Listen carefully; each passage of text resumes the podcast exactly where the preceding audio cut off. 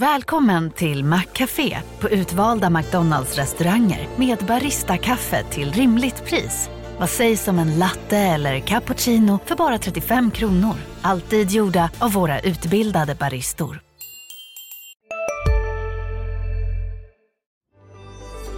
Är du trött på att handla börshandlade produkter i en plattform som inte är utvecklad för trading? Med IGS Turbo 24 får du tillgång till handel direkt i grafen, integrerad prisräknare och handel dygnet runt. Öppna ett ISK-konto hos IG idag. Ladda ner appen eller besök ig.com. Men kom ihåg att handel med finansiella instrument alltid innebär risker. Analyspodden från Dagens Industri. Hejsan och eh, god morgon och välkommen till veckans avsnitt av Analyspodden som bara ska handla om kinesiska OS. Nej, det ska det inte. Det ska förstås handla mycket om rapporter. Vi är inne i en rapportperiod som är sällsynt händelserik. Och eh, med mig idag, Ulf Pettersson heter jag, har jag Magnus Dagel. Hej Uffe! Och det är roligt för det är nog första gången på två år som vi sitter i studion bägge två. Ja, det är kul. Det har ju varit eh, veckans stora händelse va? att eh, att det öppnas upp i samhället där nu och att vi kan få komma tillbaka och träffas. Ja, och det är ju faktiskt, eh, det har nog lite, kan nog påverka börsen också på olika sätt. Alltså jag kan tänka mig att det är många som börjar planera resor nu som inte har fått åka iväg på ett par år. Ja, ja men så är det nog. Får vi se. Bra, men eh, det har ju hänt jättemycket. Fangbolagen har ju varit helt hysteriska här. Eh, eh knappt kom ihåg här. De har liksom fallit under ordinarie börsdag och sen har det kommit en, en rapport. Och vi, igår hade vi Snap upp 60 procent. Eh, eh, Amazon upp kraftigt. Dagen innan dess hade vi eh, Facebook som var rakt ner. Eh, det har varit eh, Apple innan dess tidigare i veckan också rakt upp. Hur, hur, hur, hur ser du på det Magnus? Ja, men jag skrev ju om det i veckan, här, fangbolagen och tekniksektorn i USA. Där. Jag tittade tillbaka på en artikel jag skrev i mars förra året. Då uppmärksammade jag det här äh, teknikbolagen som hade gjort förlust. Äh, Goldman Sachs hade ett index där. De hade tagit reda på alla bolag, 60 äh, bolag tror jag det var, som alla gör förlust. Och det här hade ju gått rakt genom himmelen. Jag tror det var upp nästan det hade femdubblats på ett år, för ett mm. år sedan. Och det var ju helt orimliga värderingar. De värderades i snitt till 20 gånger försäljningen. Mm. Och det var allt från Rocco till olika läkemedelsbolag och eh, Lyft och allting. Men eh, så jag tänkte titta på dem när igen nu, eh, nu när de har fallit kraftigt där. Mm. Och värderingen har ju kollapsat på de där mm. förlustbolagen. Och det har verkligen blivit ett skifte i marknaden. Att man ser på ett annat sätt på, på de här förlustgenererande teknikbolagen. Mm. Men samtidigt har fangbolagen gått väldigt starkt. Alltså de stora big, big tech, Amazon, Microsoft, Apple och Google och Alphabet inte minst och mm. Facebook eh, som inte var så stark den här rapporten men eh, den har haft en annan utveckling eh, det senaste året än de här förlustbolagen som är ner i snitt 60 procent. Mm. Och vad är din take nu då? Ska man liksom in i de här eh, de här som hade gått fem gånger och var förlustbolag eller ska man in i de stora eller ska man hålla sig borta från allt och hur ska man resonera tycker du? Nej, men jag tycker att värderingarna har kommit ner ordentligt i de där äh, förlustbolagen eh, på en helt annan nivå än vad vi såg för ett år sedan. Eh, men eh, jag tycker riskerna är fortfarande väldigt höga i de där. Där döljer sig ju många av de framtida stora techbolagen, men det kommer också vara, många av dem där kommer fortsatt generera förluster. Mm. Jag som är lite mer värdefokus, jag, bör, jag gillar ju de här stora teknikbolagen. Jag tycker de liknar värdebolag mer och mer faktiskt. Eh, fast växande värdebolag. Tittar man på dem så växer de fortfarande förvånansvis bra tycker jag. Mm. Och jag tycker om man vill göra det enkelt för sig så kan man eh, köpa alla ihop de där fem stycken. Och kanske lägga till Nvidia också tycker jag är intressant. Mm. Och ha, ha en depå och sen döpa depån till eh, teknikdepån eller något liknande så är man ganska heltäckt faktiskt. Ja, och den här rapportperioden kanske har gjort den där strategin ännu viktigare just när det har varit så otroligt stora skillnader mellan dem. Så då, då sprider man ju ändå riskerna så man inte har bara otur att välja liksom Facebook och då vara med ner när, när allting annat har stigit egentligen av de stora. Så, så blir ju det liksom en bra riskspridning helt enkelt. Ja, precis. Mm. Det, det, det, är viktigt att sprida riskerna tycker jag och hålla nere riskerna. Ja. Uh, och jag menar, Facebook rasar ju 25 procent på rapporten här och då ser man ju liksom ändå riskerna som finns där. Och Och eh, även om det är, de tjänar jättemycket pengar och de är faktiskt inte speciellt högt värderade längre. Jag, jag tror det var, det var runt P18 nu. Mm. Jag brukar ju justera för kassan också, då var det väl nere i nästan P17. Mm. Eh, men ändå så ser man ju att eh, när, eh, när, när det blir press på intäkterna och att användarna viker som det gjorde nu för Facebook, då är eh, marknaden brutal. Ja, det är verkligen det, det är liksom tillväxten man vill åt. Då är det ingen tillväxt, då är det liksom då är det inte mycket P tal värt, eh, resonerar framförallt amerikanerna då. Så, så kan det vara. vara. Eh, något som jag sitter och funderar på, alltså det är sådana enorma värden här. Alltså tar vi, tar vi eh, Facebook-raset så var det nästan 2000 miljarder kronor som försvann liksom från, eh, i börsvärde där. Det är, eh, det är halva svenska BNP, det är liksom två gånger statens intäkter, det är eh, 15 procent av Stockholmsbörsen. Alltså sånt där men å andra sidan så steg ju då, eh, Apple steg ju lika mycket, så det var ju liksom eh, var ännu mer kanske. Men eh, det där kommer ju kunna ha påverkan. Alltså jag tror att mycket av den här konsumtionen och sånt, den här fantastiska börsuppgången vi haft har ju liksom gjort att folk har blivit rikare och är man lik, eh, känner, är rikare och känner sig rikare så kan man ju konsumera lite mer också. Så får vi för mycket sådana här smällar så kan det ju faktiskt påverka den reala ekonomin tror jag.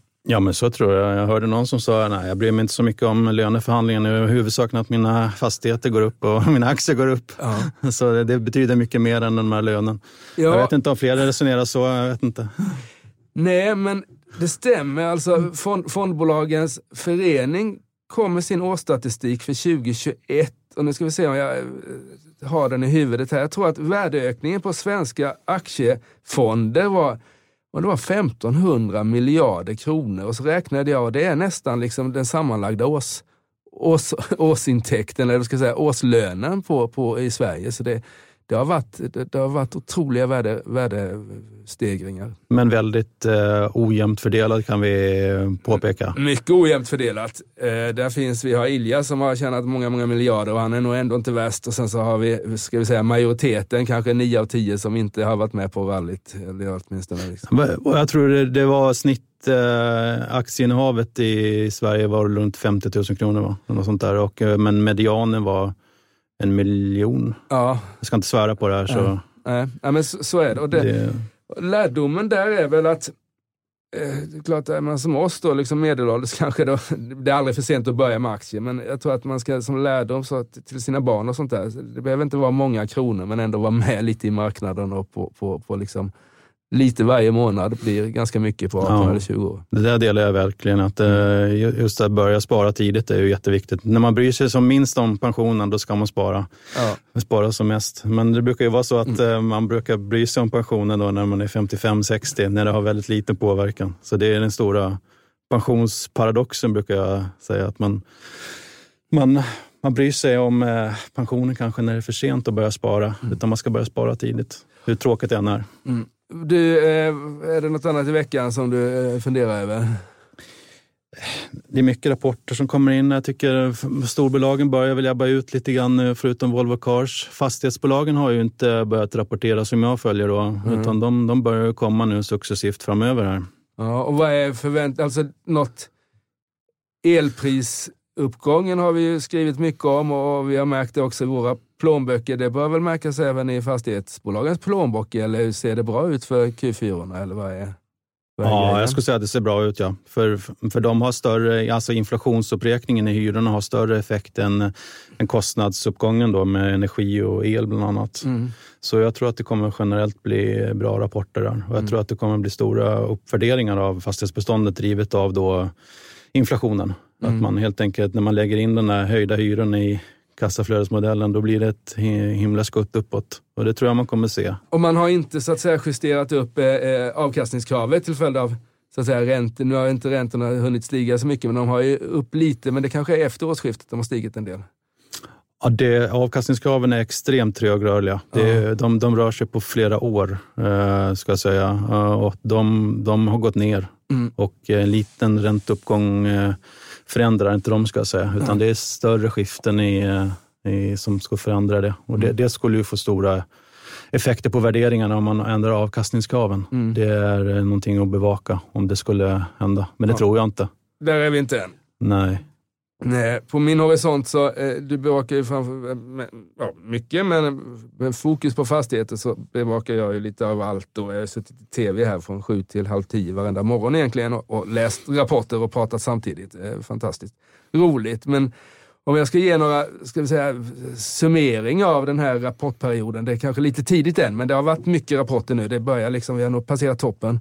Eh, så är det ju en oväntat god efterfrågan i industrin eh, under fjärde kvartalet. Orderingången eh, överträffar generellt sett återigen förväntningarna och har varit jättestarka i, i många bolag. Men har också sett generellt, det finns vissa som sticker ut, men generellt så är rörelsemarginalen eh, jämfört med eh, Q4 2020 lite, lite lägre. Och det har att göra med de här kostnadsökningarna. Man ser nu, man ser ökade på den här resultatraden, eh, administration och, och marknadsföring och försäljningskostnader och sånt där, då börjar ticka upp nu. Liksom. Så den här, eh, de här fantastiskt låga kostnaderna man hade under pandemin börjar komma igen lite. Men eh, eh, generellt sett så har det varit bra rapporter, men vi har ändå inte haft någon större uppgång på börsen, utan den har ju bara rört sig väldigt, väldigt mycket snabbt, snabbt upp och ner så att säga vid enskilda dagar här. Men ja, Vi är specialister på det vi gör, precis som du. Därför försäkrar vi på Swedea bara småföretag, som ditt. För oss är små företag alltid större än stora och vår företagsförsäkring anpassar sig helt efter firmans förutsättningar. Gå in på swedea.se företag och jämför själv. Hej, Synoptik här. Hos oss får du hjälp med att ta hand om din ögonhälsa. Med vår synundersökning kan vi upptäcka både synförändringar och tecken på vanliga ögonsjukdomar. Boka tid på synoptik.se. Vad är din övergripande liksom, eh, spaning på rapportsäsongen? Har den varit rätt bra eller vad tycker du? Ja, eh, generellt sett så tycker jag att det som tillväxten, att, att den är, att det finns en optimism och en tro om att det liksom, även 2022, så långt in de vill se eller kan se eh, och våga säga eh, är bra bland de stora, stora, stora bolagen. Så kan man väl säga. Sen är det ju lite tråkigt att vi inte har Amerikanerna kommer ju med, med vinstprognos för nästa kvartal och även för helåren så här dags, men vi, vi får ju inte det från våra svenska bolag av någon märklig anledning. För det är ju liksom deras konkurrenter klarar det, men inte vi. Det hade, det hade varit ganska skönt att ha det i handen, även om inte de behöver ha rätt så är det ändå liksom en information som behöver komma ut till alla. Eh, och sen så har vi då haft bankerna. Bankerna har ju faktiskt tagits emot svagt. Eh, alla tre bankerna, vi väntar ju in Handelsbanken också, men eh, SEB, Swedbank och Nordea har kommit. Eh, eh, eh, där Swedbank var väl den som var sämst vinstnedgång, 12 procent jämfört med Q3 då, för jag tycker man kanske ska titta sekventiellt där eftersom räntan Ja, det, är ju inte, det, är inte liksom, det finns väl lite, lite eh, säsongseffekt, men annars är det nog senaste kvartalet man ska jämföra med. Eh, SEB var ner 7% medan Nordea var den som hade bäst rapport, var upp 1 vinsten jämfört med Q3 och höjde utdelningen eh, upp till, så den, den ger också mest direktavkastning här. Så det, det var den bästa rapporten, men även den liksom eh, steg inte. Så det är lite, känns lite som att men är inte det lite funktion av att de gick väldigt... Aktierna gick starkt förra året jo, och det, är, det är en lite buy on rumor, sell on fact där. Jo, så är det. Alltså, eh, framförallt eh, Nordea och SEB gick ju fantastiskt. Nordea var väl upp 60 procent och SEB var nog inte så långt efter. Eh, eh, Swedbank hade inte riktigt, men de, de var ju stora vinnare framförallt under, under andra halvåret och det är klart att de mötte väl, eh, ja, förväntningarna var för höga. Det, man ser liksom inte riktigt att man, vad ska man handla dem på nu då när liksom vinsttrenden är lätt vikande här. Eh, jag tror att de kommer ha en, eh, i bästa fall sidledesutveckling, eh, mer sannolikt en svag utveckling fram till utdelningarna. Och då kan det nog bli sådär att, för de delar ut så mycket pengar, att då faller aktien just den dagen, men ganska snabbt så hämtar man igen det kursfallet. Så man, ska, man kan nog vara lugn, lugna sig med banker, så som jag ser det, en stund och köpa när utdelningarna kommer. Jag tycker det är konstigt att de delar ut så mycket i en klump. Varför sprider de inte ut uh, utdelningarna mycket mer så att det blir jämnare aktiekursutveckling? Nu går ju kursen ner 6-7 procent när utdelningen kommer. Jag tycker det är smart det SEB gjorde där, att de uh, satsar mer på aktieåterköp. Ja. Det ska man ju göra när aktierna värderas lågt som de ändå gör om man tittar på vinst och utdelning. Så ja. det, menar, satsa på lite som amerikanska konceptet. Dela ut fyra gånger per år och köp tillbaka aktier kontinuerligt det skulle vara bra för alla tror jag. Absolut, och det gjorde ju SEB har ju gått det är ju det är något nytt och det får man nog applådera SEB. De ska, ja, de har fattat det där. Ja, de ska återköpa aktier för 5-10 miljarder här. Eh, Nordea eh, håller också på att återköpa aktier och sa att de ska fortsätta, så det är också bra. Medan Swedbank valde att göra en extrautdelning som är ganska, den var ju liksom två spänn per aktie, det är en procent, så det var liksom inte något som ändrar någonting heller. Utan det bara, jag skulle också, hade jag varit Swedbank där skulle jag återköpt aktier. Och det är ju faktiskt ganska bra. De, då, då liksom, om du inte makulerar dem så kan du ju, liksom, om det skulle vara jättekristider, så kan du ju sälja dem igen då och göra en slags emission utan att behöva liksom göra en emission eh, på något sätt. Eh, eh och, och, så kan vi räkna då vinst på aktier. Jag tycker att små långsiktiga aktieåterköp i värdeföretag som inte har några tillväxtmöjligheter, det är helt rätt strategi. Ja, och det precis som Swedish Match gör. Ja, och, och bankerna. Ja. Bankerna har inte Bankerna ska ju inte växa, för en bank som växer jättekraftigt, de tar för mycket risk. Mm. Så det är, liksom, det är stabila verksamheter och då ska de använda sig av aktieåterköp. Så det, det, mm. det, det borde de göra mer. Eh, Ja, jag, jag, tycker återigen att Swedish Match, jag tjatar om det, men eh, jag sitter precis och uppdaterar veckans aktier här nu för eh, det har gått ett år nu. Mm. Eh, och jag tittade just igår på hur mycket de har köpt tillbaka aktier och de har fortsatt år ut och år in. Det senaste året har de köpt tillbaka 3,5 procent av utestående stock mm. Eh, och som de makulerar då inför stämman varje mm. år. Eh, och det Um, de utestående aktierna minskar lite grann varje år. Mm. Och så gör också de här um, te stora teknikbolagen i USA. De köper tillbaka lite aktier varje år så minskar utestående aktier. Och det är ju liten, liten effekt varje år.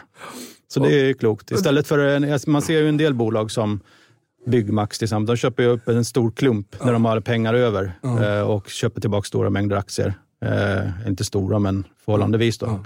Eh, och sen slutar man. Eh, och det där blir ju det blir en lite konstig effekt. Nej, men, risken är ju att, att de ofta trampar snett. Vi har ju några förfärliga exempel. Man kan gå tillbaka till ABB där strax innan deras stora kris eh, eh runt 00-talet. Eh, du har Fingerprint som eh, som liksom köpt, som, som skalade bort alldeles för mycket av kassan på ett idiotiskt återköpsprogram. Du har, du har Evolution som jag tycker med det tillväxt de har så ska inte de hålla sitta på och börja återköpa aktier. Den är dessutom så pass högt värderad så mm. det, jag vet inte. Men, men däremot så Electrolux som inte har några tillväxtmöjligheter, eller inte, men som inte, ja, det är ändå liksom en starka marknadsandelar och sådär, svårt att växa genom förvärv. De har börjat återköpa och säger att de ska återköpa lite varje år.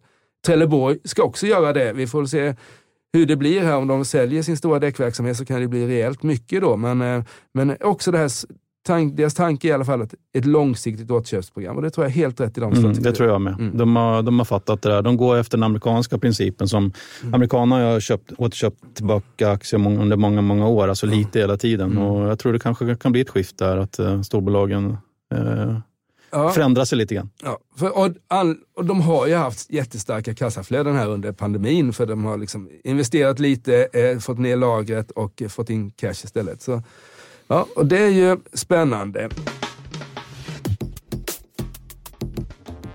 Annars, vad mer eh, finns att prata om? Vi har ju haft... Eh, det är väldigt turbulent på börsen. Det är väldigt... Eh, ja, det är det. Så jag, jag, jag, tyckte ju att det var väldigt konstig börs i slutet av förra året, måste jag säga.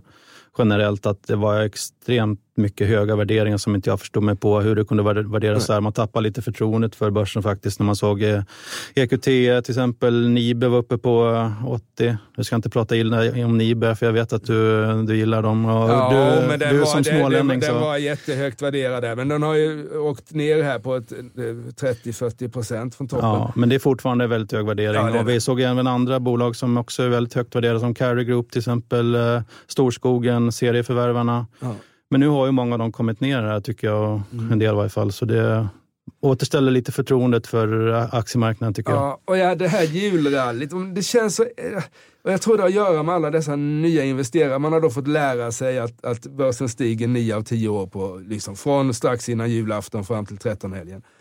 Och den här gången så steg det, jag kommer inte 7-8 procent, alltså rekorduppgång här på liksom varenda dag upp liksom under, och vi fick ju betala priset direkt efter nyår och sen så eh, har det blivit riktigt stökigt då, för det är det som händer också. Att, att liksom börjar det falla lite grann så är det så mycket kortsiktiga nya pengar inne. Så börjar det falla lite grann så helt plötsligt så smälls det på några dagar och sen så kommer dippköparna och det blir liksom ingen, ingen ordning på det. Och vi, får väl se vad som, vad, hur det här utvecklas egentligen framöver. Jag tror att vi får nog vänja oss vid en väldigt mycket mer slagigare handel här ett, ett tag till i alla fall. Ja, man, man tycker på de här väldigt högt värderade som jag har rättat upp mig på, det är ju att eh, det är ju professionella förvaltare här ute. Man tycker de borde väl reagera och att inte köpa aktier när de är så hemskt högt värderade. Men så verkar de inte resonera. Nej, men det är nog mycket indexpengar också, som, så då blir det liksom... Då blir det, då och blir hållbarhetspengar det... i många fall också, ja. som Nibe. Precis. Och då är det liksom inte värderingen kom i andra hand, utan det är liksom viktig index och liksom, vad ska vi säga, ja, ESG och sånt där som, som styr en del. Det men, dumma kapitalet kan man kalla det för egentligen. Ja, men jag tycker det finns, som jag tyckte, BOG var ett sånt här som, som gick kanske lite för mycket ett tag. Eh, men de föll å andra sidan alldeles för mycket när de var nere på en 70 spänn här. Då var det liksom klart lägre värderat än börsen och det är ändå e-handel som man vet ska växa över tiden. Men där fick man ju en revansch på en rapport som inte var bra, men helt okej okay, och framförallt bet betydligt bättre än den här kraftiga kursraset som har varit inför rapporten. Så, så E-handlarna har ju generellt kommit ner väldigt mycket i slutet liksom i förra året. Ja. Och slutet av förra året såg man ju att och det är ju väldigt, eh, de var ju väldigt högt värderade innan men har, är inte det längre på nej, samma sätt. Nej, så, så är det faktiskt. Ja, men då får vi eh, tacka för oss eh, från Magnus Dagel och Ulf Pettersson, Dagens Industris analyspodd. Och när ni har lyssnat på oss så får ni jättegärna lyssna på våra eh, kollegors poddar. Vi har ju en tämligen ny ledarpodd som är intressant. Vi har en privatekonomisk podd. Vi har eh, Viktor Munkhammar och Nils Åkessons makro, Makrorådet. Vi har en daglig podd som eh, som berättar kort vad som har hänt det viktigaste och det är väl kanske extra intressant i dessa tider när man går och lägger sig och tror på en negativ börsdag och helt plötsligt har det liksom hänt något i New York så är det upp istället, som, precis som idag här på fredag, i alla fall inledningsvis. Eh, och så får ni se till att ha en skön helg också och eh, så börjar ju OS i helgen också. Jag ska kolla på skridskor tänkte jag och, och pool och se om han kan vinna ett OS-guld också. Och eh, det skriver vi om i Weekend. Den här. Weekend skriver vi om, ja. Just ja. Den kan man läsa i helgen också. Och så eh, hörs vi igen nästa fredag och så får ni ha det så bra. Tack så mycket. Tack så mycket. Hej då. Hej då. Är du trött på att handla börshandlade produkter i en plattform som inte är utvecklad för trading? Med IGS Turbo 24 får du tillgång till handel direkt i grafen, integrerad prisräknare och handel dygnet runt. Öppna ett ISK-konto hos IG idag. Ladda ner appen eller besök ig.com. Men kom ihåg att handel med finansiella instrument alltid innebär risker. Analyspodden från Dagens Industri. Programmet redigerades av Umami Produktion. Ansvarig utgivare Peter Fellman.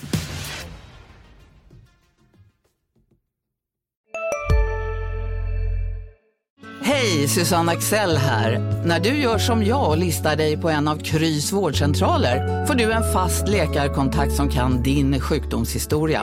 Du får träffa erfarna specialister, tillgång till lättakuten och så kan du chatta med vårdpersonalen. Så gör ditt viktigaste val idag, lista dig hos Kry. Ska några små tassar flytta in hos dig? Hos Trygg Hansa får din valp eller kattunge 25% rabatt på försäkringen första året. Läs mer och teckna djurförsäkringen på trygghansa.se. Trygg Hansa, trygghet för livet.